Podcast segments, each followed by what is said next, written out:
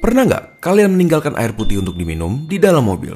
Banyak yang bilang kalau air yang terlalu lama di dalam mobil tidak boleh diminum lagi. Tetapi, apakah itu benar?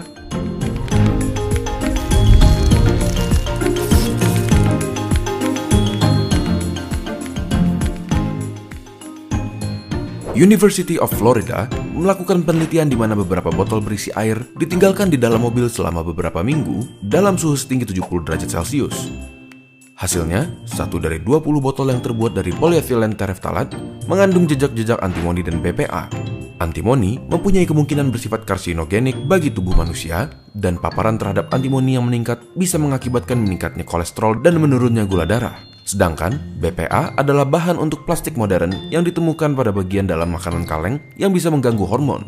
Mereka bisa menirukan estrogen dan membohongi tubuh dan mengganggu fungsi hormon pada keadaan normal. Salah satu penelitian pada kanker prostat menunjukkan bahwa konsentrasi rendah BPA mengaktifkan reseptor androgen dan menginisiasikan proliferasi sel kanker, independen dari testosteron.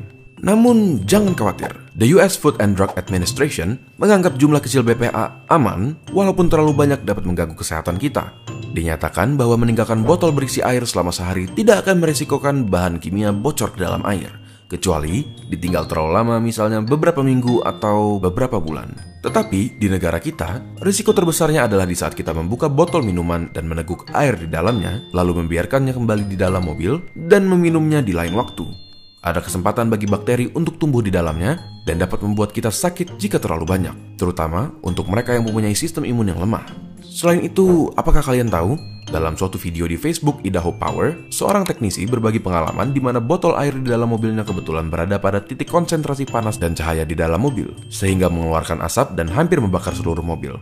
Walaupun kemungkinannya kecil, hal ini patut dipertimbangkan demi keselamatan kita. Bagaimana menurut kalian? Apakah menaruh botol air di dalam mobil merupakan hal yang seharusnya dihindari atau aman-aman saja untuk dilakukan? Bagikan video ini ke teman kalian untuk memperingati mereka agar tidak melakukan kesalahan yang sama. Jangan lupa untuk subscribe demi keberlangsungan channel ini. Jika ada topik yang kalian ingin kami bahas, kalian bisa tulis di kolom komentar untuk kami lihat. Terima kasih dan sampai ketemu di video berikutnya.